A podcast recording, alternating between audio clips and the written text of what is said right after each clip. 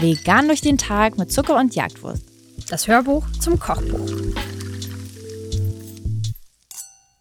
Wir kommen jetzt zu einem meiner Top 3 Kuchen jemals. Mm. Wie sieht es bei dir aus?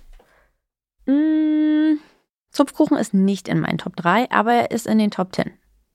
Klasse. Und ich Für- mag den richtig, richtig gern. Ja, für mich ist das auch ein Kuchen, ähm, den ich aus meiner Kindheit auch schon kenne, weil ich ähm, noch sehr gute in Erinnerung habe, wie oft ich zum Bäcker gelaufen bin und mir immer so ein Stück Zupfkuchen geholt habe. Damals waren die natürlich in so viereckig auf so einem großen Backblech gebacken.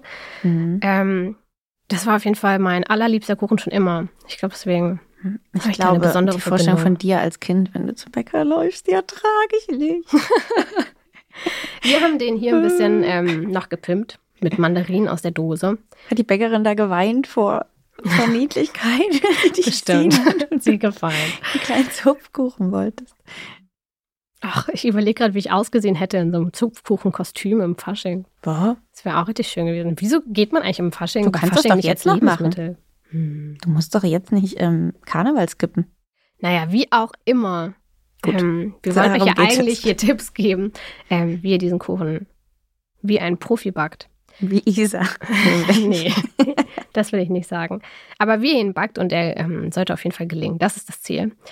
Genau, also zu den Mandarinen, ihr könnt das natürlich austauschen. Wir haben den auf dem Blog auch mit Johannisbeeren, wenn ich mich richtig erinnere. Mhm. Ihr könnt aber auch ähm, Himbeeren da reinwerfen oder irgendwie ein paar Äpfel, die ihr in Zimt gewendet habt, könnt ihr damit reinwerfen und eine kleine weihnachtliche Version draus machen. Alles aus der Dose.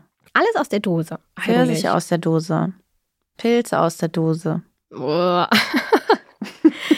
Also alles mögliche, nur vielleicht nicht. Ich würde nichts nehmen, was richtig doll wässert. Oder so Banane. Das kann ich mir auch nicht so richtig gut vorstellen. Ähm, oder so eine Ananas. Man, ja, Aber, die sind ja auch Banane, wäre wahrscheinlich zu ähnlich zur Creme. Es soll Mhm. ja auch durch diese Frische und eben dadurch, dass es schon auch saftig, nicht zu saftig und flüssig ist, aber es soll ja dadurch auch wirklich beim, wenn man reinbeißt, so eine Frische geben. Das soll jetzt eine Banane nicht unbedingt machen. Ja, auf jeden Fall. Genau, also da könnt ihr im Endeffekt euch austoben, aber Mandarinen ähm, funktionieren wirklich ähm, sehr, sehr gut. Vor allem die wässern auch nicht so doll. Ähm, das ist wirklich, ähm, das funktioniert wirklich klasse. Und ansonsten braucht ihr eigentlich für diesen Teig gar nicht so groß was Besonderes. Ähm, für die Käsekuchenfüllung hingegen ähm, haben wir pflanzliche Margarine verwendet und veganes Vanillepuddingpulver. Wenn ihr das nicht verwenden wollt oder das nicht findet, dann könnt ihr natürlich auch einfach Speisestärke nehmen und vielleicht ein bisschen Vanillearoma dazugeben. Ähm, für die Füllung nehmen wir sehr gerne veganen Skier bzw. Quark. Man kann aber auch einen Teil zum Beispiel mit Frischkäse austauschen. Also wenn ihr 150 oder 300 Gramm statt mit veganem Frischkäse machen wollt, könnt ihr das auch machen.